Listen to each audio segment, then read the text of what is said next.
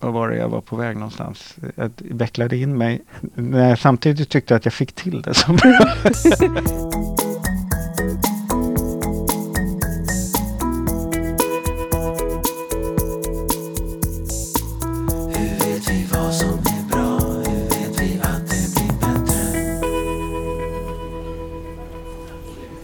Kafferast i Kunskapsfabriken. Välkommen till kafferast i Kunskapsfabriken. Linnea Karlsson Tack så mycket. och Sofie Westling. Tackar, tackar. Och egentligen är det jag som ska känna mig välkommen för jag har fått komma till Lund. Eh, och vi är på psykiatrin i Lund. Eh, Linnea, kan inte du säga något om vem du är? Jag heter Linnea, är eh, 29 år och eh, kommer från Lund, eller strax utanför Lund från början. Mm. Ehm, är gammal yrkesdansare. Ehm, och ja, det är i alla fall lite bakgrund. Ja. Och vi ska snart komma in på hur det kom sig att du kom med i den här podden. Ja. Mm. Sofie då, vem är du? Nu blir jag lite inspirerad här. Jag heter Sofie Westling och jag är 53 år och kommer också från Lund. Men kanske du klippa bort. Men är du yrkesdansare? Nej, jag är inte yrkesdansare. Jag är gammal dramalärare, men, men nu är jag läkare inom psykiatrin. Mm. Ehm, och ehm, har jobbat mycket med fokus på självskadebeteende och um, personlighetssyndrom Mm. och nu på senare år också med brukarstyrd inläggning. Eller självvald inläggning som det också kallas, är en vårdform som prövas inom psykiatrin på allt fler platser i landet. Det går i korthet ut på att patienterna kan skriva en överenskommelse med psykiatrin som ger dem möjlighet att själva bestämma när de ska skrivas in i slutenvården. Patienternas vårdbehov behöver alltså inte först bedömas av en läkare och därmed skapas en blandning av öppen och slutenvård där patienterna själva bestämmer vilken sorts vård man för tillfället har behov av. Medan man är i slutenvården är det till exempel vanligt att patienten själv måste ansvara för sina mediciner men vården förbinder sig att ge stödjande samtal och rådgivning om patienten vill ha det. Tiden man kan ligga inne brukar begränsas till cirka tre dygn. Men om man känner att man behöver mer kan man förstås söka vård som vanligt via akuten. Patienter som erbjuds sådana här överenskommelser har i regel både en löpande kontakt med öppenvården och ett återkommande behov av slutenvård. Många av dem har också erfarenhet av att vårdas under tvång. I Sofies och Linneas fall har det handlat om vård för självskadebeteende, men vårdformen används även för andra patientgrupper. Förra året så fick vi på NSPH ett uppdrag av Socialstyrelsen som i sin tur hade fått ett uppdrag av regeringen att studera det här med brukarstyrd eller självvald inläggning som man säger på olika ställen. Um, och då fick vi i uppdrag av Socialstyrelsen att ta reda på vad patienter och anhöriga tyckte om den vårdformen, vad deras erfarenheter var. Och det där tycker jag personligen, för jag fick ansvara för den undersökningen hos oss. Det var otroligt lärorikt för mig eh, att ge sig på att titta på vad händer? Vad är det man skapar för nya erfarenheter av vård när man liksom byter perspektiv på olika saker och sådär. Eh, så. så att, eh, av det skälet så insåg jag ju att vi behöver prata mer med, med er som kan det. Och då kommer vi in på dig Linnea igen. Ja. Här, för du har eh, använt den här vårdformen. Ja, det har jag gjort. Och du har också en erfarenhet av självskadebeteende. Ja, det har jag. Och då kan man väl börja med i den ändan. Hur, hur såg ditt liv ut innan du fick tillgång till självvald inläggning? Det var väldigt mörkt. Mm. Ehm, Jag var då inne i en utmattningsdepression och eh, var ofta inlagd eh, inom slutenvården. Eh, och såg ingen framtid då. Eh, utan allting var bara eh, man existerar men inte mycket mer än det. Mm. Eh, och då ett självskadebeteende som hela tiden ökar och blir mer allvarligt. Ehm, så att det gick fort utför. Hur, hur sökte du och fick du vård då? Ehm, det var egentligen vårdkontakter som sa till mig att nu är det dags att eh, gå ner till psykakuten. Ah, eh, ja. För jag Mm. tror du skulle behöva det. Eller, eh, vilket oftare var fallet tyvärr, så kom jag in akut eh, på medicin. Jaha, efter att ha skadat dig? Ja, Mm. eh, eller gjort annat självdestruktivt. Ja, just det. Ehm, för jag har alltid haft svårt att ta hjälp. Mm. Eh, så att, Så då blev du snarare liksom, ja just det, ett Intagen föremål för, för bakvägen medicinsk nästan. vård, Ja. ja. liksom vanlig medicin, kroppsvård. Ja. Mm. eh, för att jag satte mig inte på akuten för bara den känslan av att behöva dels ta sig dit Mm. ehm, och sen all väntetiden och någon som då ska bedöma en. Eh, finns det plats? Mm. Finns det inte plats? Var hamnar jag någonstans? Då var det enklare att inte söka liksom? Ja. Mm. Hur länge höll du på med det där då? Mm. Det kan nog ha varit i alla fall en två år. Jag var, ehm, bodde i England innan dess Mm. eh, och det var där jag insjuknade. Mm. Eh, och sen kom jag hem då och eh, därefter så var det liksom bara en vårdkarusell. Ja, just det. Mm. Vad sa dina anhöriga? Alltså de, de du hade omkring dig? De tyckte det var jättejobbigt. Mm. De visste inte vad de skulle göra utan de var så här, okej du får massa medicin men det är ingenting som verkar hjälpa. Du är inlagd men det blir inte bättre. Så, så att det Mm. var ehm, De kände sig väldigt maktlösa som att de inte visste någonting. Nej. Mm. Om man tänker på er på psykiatrin då, Sofie. Jag gissar att Linnea inte var den enda, eller är den den enda patienten som har hamnat i sådana här vårdkaruseller där, det liksom inte, där man inte har hittat någon lösning eller lyckats förändra en sån här situation. Ehm, hur, hur såg ni på det här från psykiatrin? För alltså, det- är väl inte så roligt att se att det är så svårt eller att man har svårt att lyckas med att stödja. Nej, det, det var ju egentligen... Alltså det är väldigt svårt och du var ju långt ifrån ensam Mm. och, och det Mm. händer ju sånt här fortfarande Mm. men att, eh, att personer som söker hjälp inom vården när, när ehm, de hamnar eller blir inlagda inom heldygnsvården så blir det ibland en, en elakartad cirkel Mm. eller spiral där självskadebeteendet förvärras. Ehm, och ehm, möjligheten att hjälpa blir mindre och mindre och det är klart det är väldigt liksom, frustrerande och Är det till och med så att vården gör skada? Eller liksom gör det värre? Ja, det är ju aldrig vårdens mening. Nej, nej, Eh, förstås. Men, men eh, det finns ganska många erfarenheter, inte alla, en del. En del många patienter blir hjälpta av heldygnsvård Mm. men de, en del personer med eh, självskadebeteende eh, blir sämre av inläggning, i alla fall långvariga inläggningar och där vården försöker ta kontroll Mm. över, över säkerheten. Att det blir en ond cirkel, särskilt, särskilt med unga människor Mm. skulle jag säga. Det, jag kan inte säga att det gäller alla, men vi kan definitivt säga att det gäller några. Mm. Och var det ur liksom de tankarna då som, som ni började fundera på att vi borde hitta, vi borde, kan man göra på något annat sätt? Mm. Hur fick ni den idén? Eller?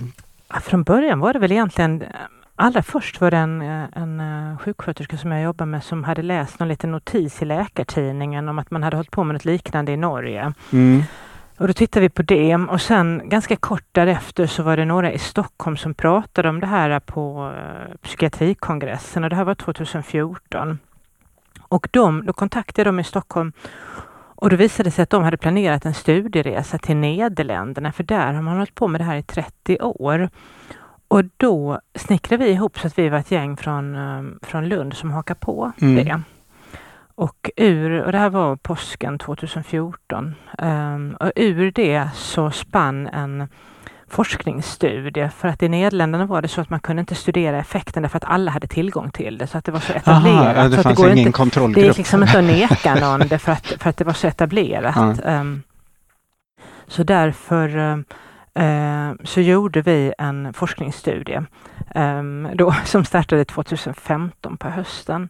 Ehm, och då var det, ja, det är väl början egentligen. Mm. Hur stor grupp kunde ni vända er till då i den här studien? Ja, då tog vi ju en och en för då tänkte vi att vi inte skulle göra som med mm. att alla skulle få det utan skulle man vara med så var man tvungen att lottas antingen till att få det eller till att hamna i kontrollgruppen då under ja. ett år. Mm. Och då under de första ja, två åren så tog vi in 125 personer. Mm. Och hälften fick då tillgång till BI som vi kallade direkt ja. och hälften fick vänta ett år. Okej. Okay. Vad såg ni då, då på, på, i den studien? Ja, det som vi först legat efter, för i Norge så hade man sett så här dramatiska nedgångar i antalet vårddygn och tvångsvård mm. som personerna använde. Så det var det vi tänkte att ja, men det får vara vårt primära utfallsmått. Mm. Det låter bra att man behöver mindre vård. Och det var det och det såg vi. Problemet var att vi såg en nästan lika dramatisk nedgång i kontrollgruppen. Och det tror Aha. jag har att göra med att vi vände oss till de allra svårast sjuka i början, de som, där vi tänkte att nu, här vill vi göra någonting. Och, och, det var de där alla var på bettet och kanske de också där alla var tillräckligt desperata för att våga testa något helt mm. nytt. Um, och då är det ju så att man är ju sällan jättesjuk för evigt. Mm. Liksom. Mm. Även, eh, så att de allra flesta fick en ner, nedgång i inläggningarna. Ja, är det sånt som kallas för regression mot medelvärde? Exakt. Exakt. har jag fått lära mig.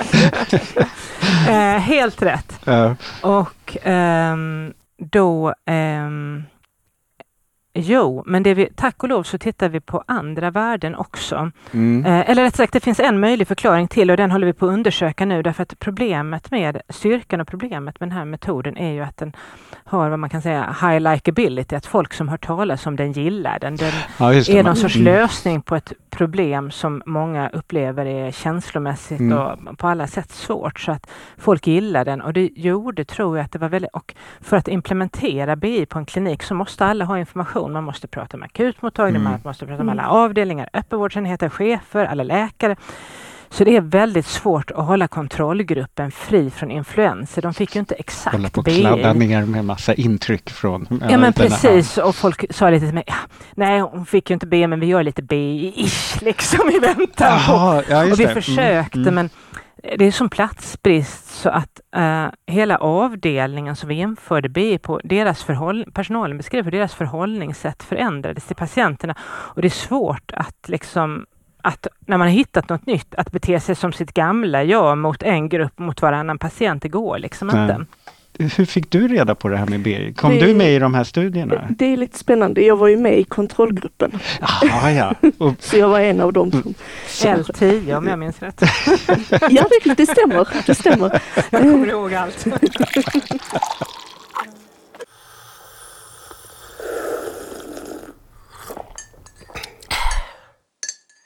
för det jag funderade på kring det här, det är kanske inte så mycket det strukturella juridiska kring BI med den här överenskommelsen och vem som, som säger att man ska få vård. Det, det, handlar om att man gör något annat sorts skifte egentligen. Som kanske handlar mer om personalens inställning eller själva vårdkulturen på något sätt. Som kanske inte bara har att göra med det formella BI-arrangemanget. Liksom. Utan att ni egentligen har skapat en mycket större förändring än vad ni tänkte på. Mm, det var en sjuksköterska som sa det i början, som sa väldigt tydligt att det här måste vara ett paradigmskifte där mm. vi ger tillbaka makten. Eh, på många sätt egenmakt och autonomi och att, eh, att det är en mycket mer jämlik vård. Och sen, det vi, vi såg ju inte det här med, med eh, vårddygn men, men vi såg skillnad på ganska många andra parametrar så att eh, BI-gruppen fick förbättrad funktionsförmåga, Um, jämfört med kontrollgruppen. Mm. Um, inom BI-gruppen så blir det mindre tvångsvård, färre självskador, bättre på, på typ fyra av sex funktionsområden. Så det... Har du några tankar kring det? Lina? Ja, jag tänkte precis, det är en gigantisk skillnad. Um, jag har lärt mig så mycket om mig själv tack vare BI. Mm. Uh, jag kan ta hjälp på ett helt annat sätt idag. och kan vara uppmärksam på att nej men nu börjar jag må sämre, nu skulle jag behöva ta, ta hjälp. Om det så är att komma in på BI eller om jag bara ringer upp dem och säger att nu har jag det jättetufft mm. Eh, och bara prata en stund. Så det är väl egentligen den största skillnaden för mig att jag, nu tar jag hjälp. Mm. Det går inte så långt. Jag hamnar inte på medicinakuten Nej, eller liknande. det. Mm. Ehm, så det, det är stor skillnad från hur det var precis i början när jag fick BI och hur jag använder det idag. Mm. H- Hur var din tanke när du började använda det? då var det svårt. Ja. Det var jättesvårt. Eh, både från mitt håll men också från anhöriga. Aha. Mm. Ehm, därför att så fort jag åkte in, oavsett om det var slutenvård eller BI, så var det hjälp. Hon har åkt in. Nu, Ah, nu, vet, nu mår hon dåligt och vi kan inte göra någonting. För dem var det liksom en bekräftelse på deras maktlöshet. på. Ja, och det var liksom, de jämställde eh, det. slutenvård och Mm. BI till en början. Eh, Gjorde du det kun- också? Inte riktigt. Men det var mer i början att man inte visste hur ska jag använda det här. Mm. Eh, så det var egentligen nästan ett, två år innan jag började komma in i att ja, men så här kan jag använda det. Just det. det. Så här blir det mitt verktyg. Ja, så att det var en inlärningskurva och Mm. mycket uppmuntran från personalen. Och det är fortfarande idag. De är så här att ja men du, du kan bara komma in sova här någon natt för att pröva och se hur det känns. Så att man liksom håller igång det. Visst är det roligt att den signalen från vården ska kännas så ovanlig? Eh, Den är ovanlig. Alltså, och att man alla reagerar så att men gud vad intressant, en vård som säger kom hit, kom hellre en gång för mycket än Mm. för lite. Det är ju inte det normala när man tänker på vårdkapaciteter och så där, för där handlar det ju snarare om att hålla rent. Mm, mm. Liksom.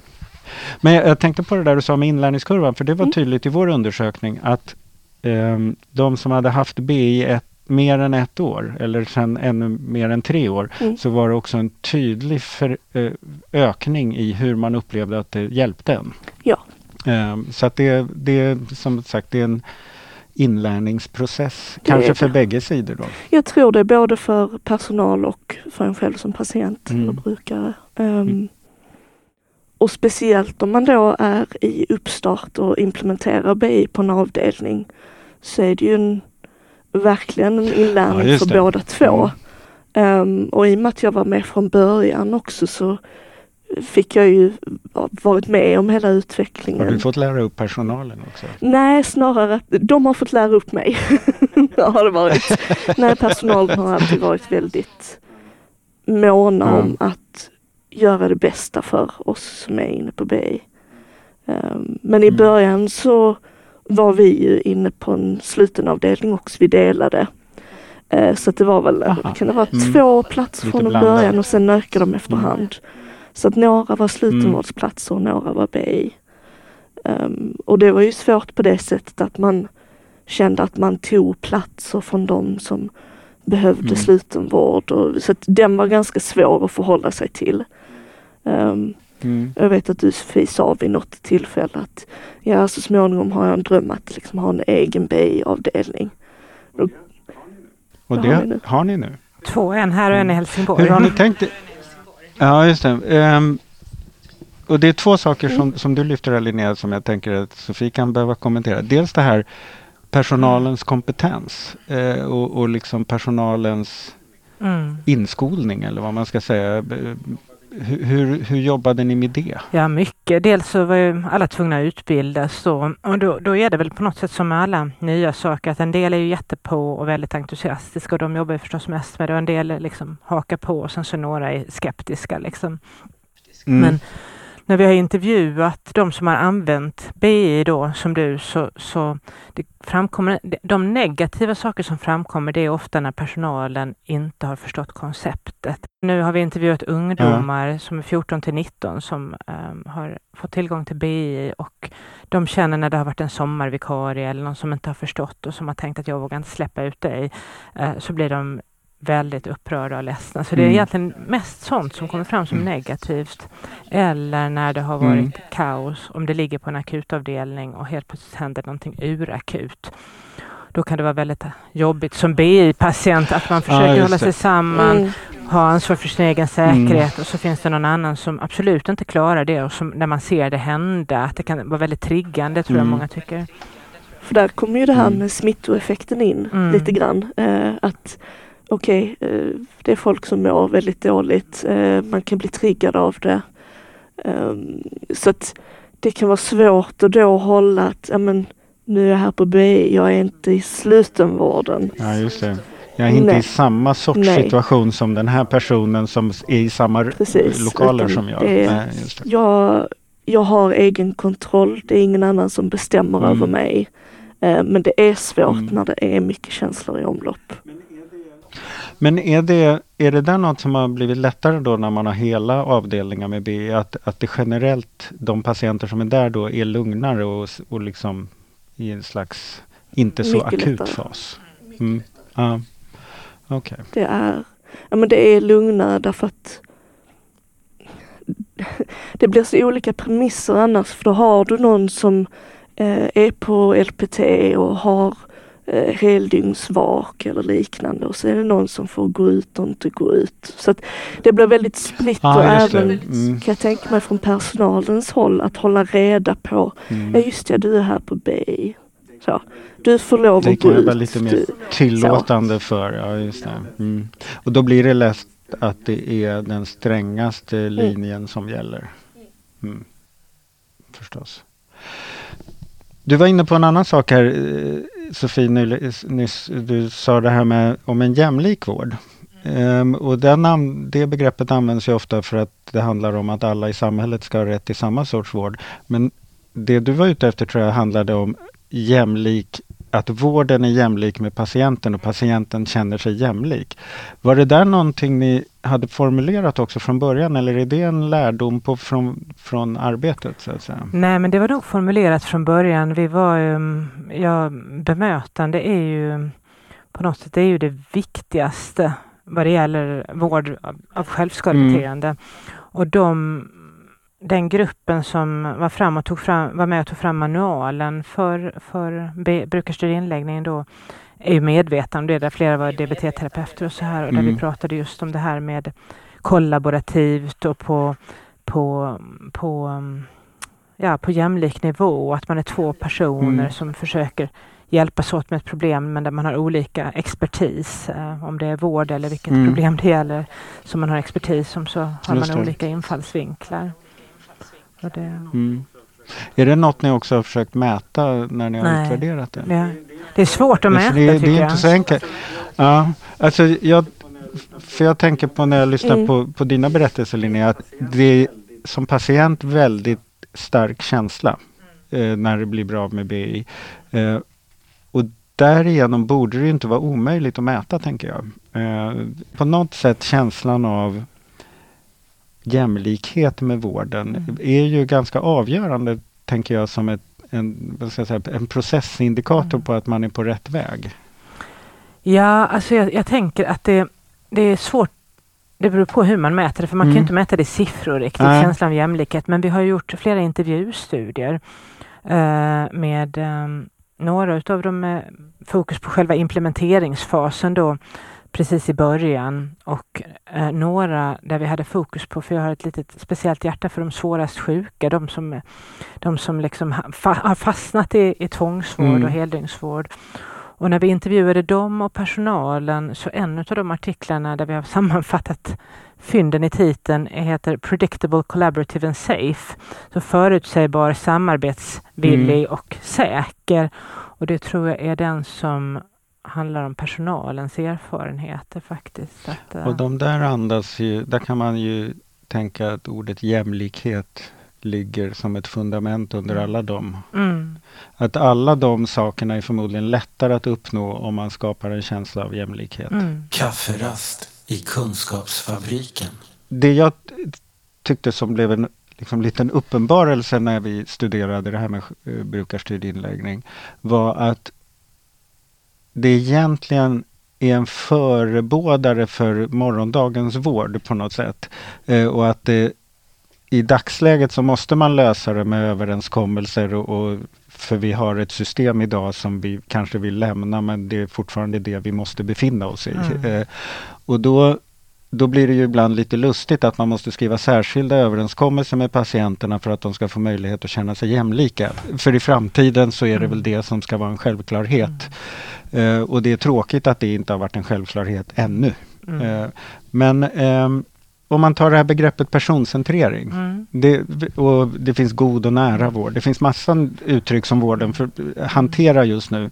Men alla de begreppen blir ju innehållslösa om vi inte tänker in jämlikhet, Mm. tänker jag. Mm. Eh, personcentrering kan ju vara oerhört paternalistiskt Mm. eller eh, förmyndarskapsmässigt. Att vi säger vi har minsann fokus på dig. Men, men eh, Det behöver inte alltid vara rätt. Nej, och det behöver inte alltid inkludera den enskildes Nej. värderingar eller tankar eller framtida resa av lärande om sin egen hälsa och sånt där. Så att, ehm, det är det jag tycker blir så intressant med BI, att de fynden man gör när man börjar förstå varför det funkar blir, blir kanske, kan ju vara vägledande för mycket annat. Några ord som jag har kommit att förknippa med BI och tänker på så det är ehm, samarbete, trygghet. Det är min stora Mm. trygghet och det som gör att jag är så pass välfungerande idag. Ehm, och jag vet att det alltid finns där. För du har fortfarande tillgång till det. Jag har fortfarande tillgång till det. När det- använde du det senast? Ehm, det var lite innan jul. Mm. Och sen så ringde jag dem här om veckan. Jag Mm. behövde det. Mm. Och när jag är här på vuxenpsykiatri och har andra möten så brukar jag sticka in huvudet och säga hej hej. så, bara problem. för att liksom påminna mig Mm. om att ni finns här. Mm. Så. Det där är ju intressant för att det är normalt för vården att tänka att det, när vi gör saker, det är när patienten är här som vi gör nytta. Eh, men att det blir ett uppvaknande för vården att förstå att det är när de inte behöver oss som vi är som bäst. Mm. För mig har det ju varit så att jag använder inte BI lika mycket nu som Mm. innan. Men det betyder ju inte att jag inte Behöver använder det. det och Nej, behöver precis. det. Nej, För det. att be med mig i min vardag hela tiden. Där är liksom alltid en, eh, jag kan alltid ha en retorisk fråga till mig själv att är det BI, ska jag ringa, kan jag Mm. göra någonting? Så att de är ju alltid där ändå. Ja, och jag tänker att eftersom du vet att de är där så kan du också tänka jag låter, det här, jag känner, låter det här känslan jag har nu landa och så får vi se. Och skiter det sig så finns de där. Mm. Eh, Det är ju det, det är ur det du kan få återhämtning att bli inte bara något, att det, något går över utan att det är någon slags utveckling eller ett lärande i att hantera sin hälsa. Mm. Liksom. Hur tänker du Sofie när du hör en sån här som Linnea? Men jag, tänker, jag, har, jag har inte tänkt på det innan, men nu när, jag, nu när du säger det så tänker jag att det är en styrka med metoden att vi aldrig sätter något slutdatum Mm. för det. Det får Eh, ni inte. Nej, det får vi inte göra det har vi inte haft några planer men jag, har- jag har liksom inte ens tänkt tanken. Eh, Utan, ehm, eh, eh, och de som inte behöver det längre, de slutar ju. Då förnyar man inte sitt kontrakt. Mm. Då har man inte förnyat det på det. 18 månader så rivs det liksom. Mm. Eh, och det vet alla om, så att de, de som vill behålla det, de förnyar. Ja, jag, eller blir påminna om det eller Mm. sådär. Så att, och, och glömmer man det och sen kommer på att man vill ha det, är man ju välkommen att skriva Mm. ett nytt kontrakt. Ja, just det. Men, men ehm, vad heter det, väldigt mycket inom vården ska ju pressa ut och pressa bort och avsluta och vi ska Mm. liksom, alla psykoterapier ska slu, eh, sluta inom en viss tid och helst ska de vara så korta som möjligt. Och att vara man ska effektiva. begränsa och Mm. utvärdera och så vidare. Och här, här ger vi liksom fria tyglar. Ja, Och det, jag har inte tänkt på det, men det är nog en styrka i sig Mm. faktiskt, att man inte behöver sluta utan att man själv bestämmer ja, och det finns ju också något i vården där man i princip tycker att alla återinläggningar är misslyckanden. Mm. Vilket i det här fallet snarare är som du säger att nej men kom in för säkerhets skull. Mm. Här är det tvärtom. Det jobbar vi jättemycket med i början, att man ska vara välkommen och säga hej Mm. vad roligt att du är här, så bra att du tar Mm. ansvar för ditt liv och din hälsa genom att komma hit och söka vård. Ja. Eh, så jättestarkt av dig och det är många som delar din erfarenhet av att det är jobbigt att söka hjälp Mm. och svårt att be om hjälp och det är det jobbigaste, liksom att lära sig be om hjälp i tid. Så att det, då står personalen där och gör vågen. Vad är det viktigaste du har lärt dig om dig själv tack vare BI? Oh, den var bra. Um,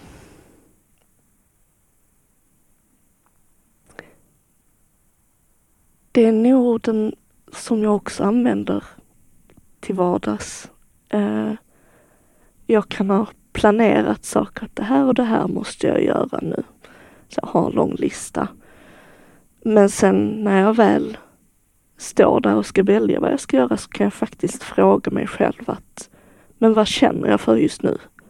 Måste jag gå efter min egen prioriteringslista eller kan jag? Så att man är mycket mer eh, lyssnar på sig själv och sin kropp. Att men det här behöver jag just nu. Ja, just det. Och så värdera och ta ansvar för det då? Ja.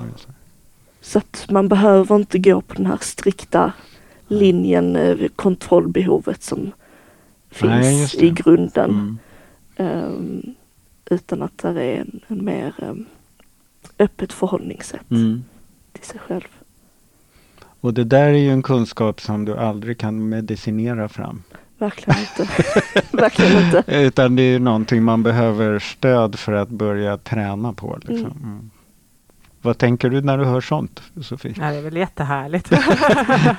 det är väl jättehärligt. Det är väl jätte... Jag tänker att ja, det behöver jag nog också lära mig lite ibland. jo, men det är väl liksom... Ja. Ja, det är personalen. Ja. Alltså det, det, de har saker som de har sagt till mig Ja. upprepade gånger och nu har Ja. det blivit automatiserat. Mm. Eh, så att de gör, de gör ett fantastiskt jobb. Mm. Eh, de är där. Ehm, och de är inte rädda för att höra det man pratar om. Mm. Vi hörde i vår undersökning någon som sa att personal som jag tidigare hade mött i den vanliga slutenvården och inte alls tyckte om men som jag sen har stött på i BI har jag tyckt jättemycket om. det, hur, hur har personalen reagerat på det här? De som har jobbat med BI? Hur, hur värderar de det? Jag tänker att många upplever att, att, eh, att de, eh, nu börjar det bli ett tag sedan, men många upplever ju att, att de har förändrats och att deras förhållningssätt har förändrats och att de möter helt andra patienter eh, när de kommer in på BI och att, att, interaktionen blir helt annorlunda. Um, och de, de som är på BI här i Lund nu har ju valt, nu har vi haft en egen avdelning i snart tre år tror jag det är. Två och ett halvt. Ja, Mm. till hösten är det nog tre år som det har varit en egen avdelning. Så de som jobbar där har ju valt att de vill arbeta med detta. Men jag tycker det är många som har vuxit eh, mycket. Eh, För fem år sedan, eller nej, för sju, åtta år sedan när jag sa att ja, sjuksköterskor och skötare skulle skriva in och skriva ut våra svårast su- suicidala patienter som, som inte underläkarna vågar utan där det ska vara en eller två överläkare i vanliga Mm. fall. Eh, folk tyckte att det var vansinnigt men eh, nu eh, är det liksom inga problem. Eh, de är modiga och litar på relationen för jag tänker att det, det viktigaste suicidpreventiva instrumentet vi har det är vår relation och, och våra, våra hjärtan. Att vi litar på att vi har en relation som bär och att du skulle inte göra så mot mig för du kommer tillbaka eftersom jag ber dig om det. Du kommer imorgon eh, även om det är jobbigt för dig för att vi har gjort ett avtal du och Mm. jag. Jag tänker att det är det Har ni, viktigaste vi har. har ni, där skulle ni kunna göra studier också på Mm. ett annat sätt. Och där har ni ju kontrollgrupper med alla som inte jobbar med BI. Mm. förstås. Mhm. Eh, Det Mm. kanske är lättare att dela. Det är För- ingen dum idé. nej. Ja, det. Hur man ni- tänker kring, kring uh, suicidriskhantering. Ja, det kan ju Mm. vara ett bra fokus. Men man kan ju också tänka hur man, hur man tänker kring sin roll Mm. som personal. eh, Om man är gatekeeper eller om Mm. man är välkomnande. Eller Mm. vad som är mitt huvuduppdrag. Liksom. Ja. Mm. Lite roligt att du nämner det här med att de svåraste patienterna, att det oftast är läkare som ska godkänna och så. För det var en situation då jag var i Malmö och jag hade insisterat på att men jag, ska, jag ska till Lund, jag ska på BI. Så. Det är inget annat. Och så hade de tydligen ringt från Malmö och till BI-avdelningen och sagt att ja, hon säger att hon vill hit men kan vi verkligen släppa henne? Ja, släpp henne, det är ingen fara. Och de bara, verkligen, är, Ja. är du verkligen säker? Mm.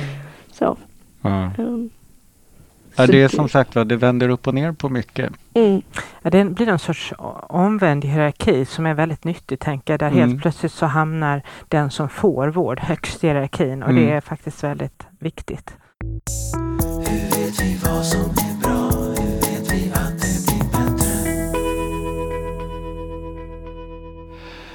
Jag brukar runda av de här poddarna med att fråga vad man skulle vilja lära sig mer om nu.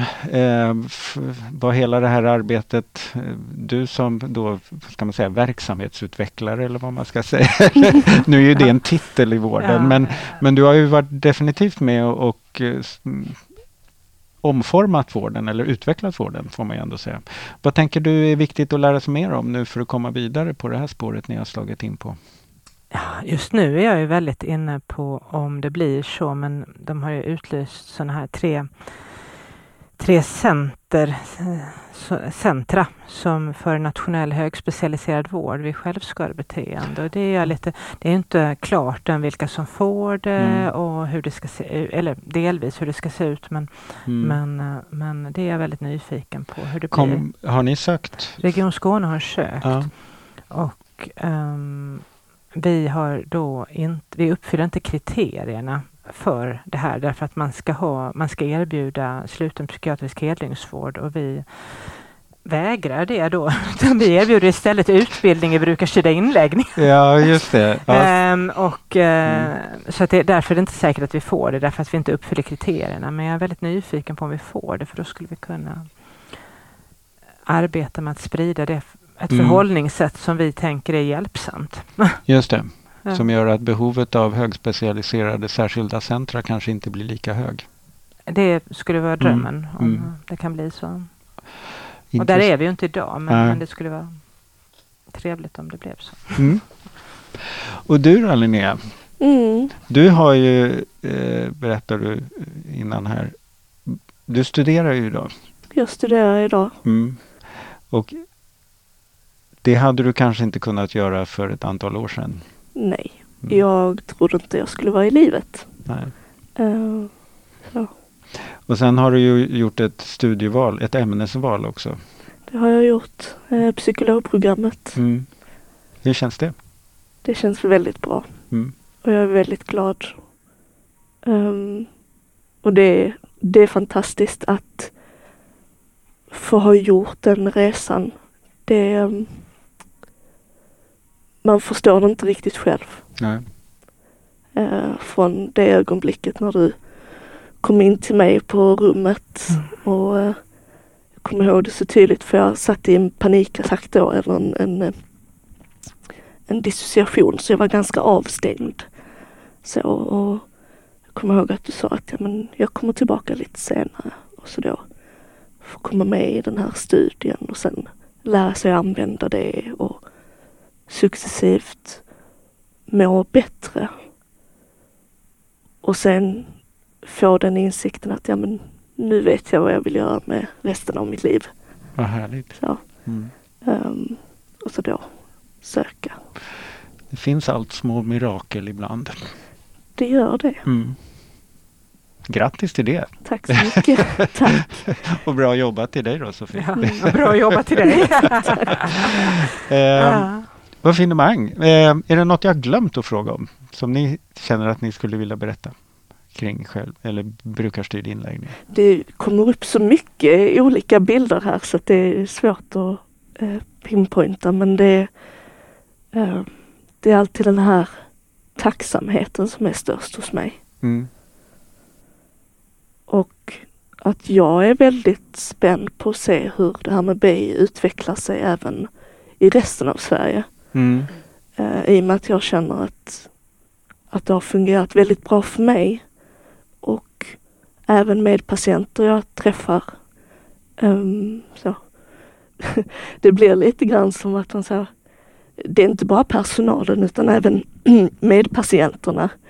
Mm. Eh, Så har man lite, ja men Ja, man sitter och dricker kaffe Ja, och, liksom Mm. att, att det blir